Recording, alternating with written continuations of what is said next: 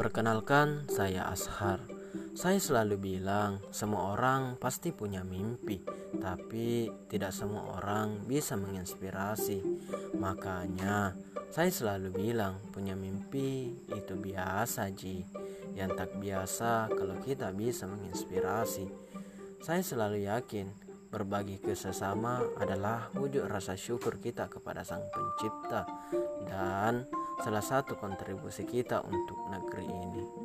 Saya meyakini bahwa hakikat sukses itu adalah ketika kita bisa mengantarkan mimpi orang lain dengan mendukung gerakan literasi. Salam literasi.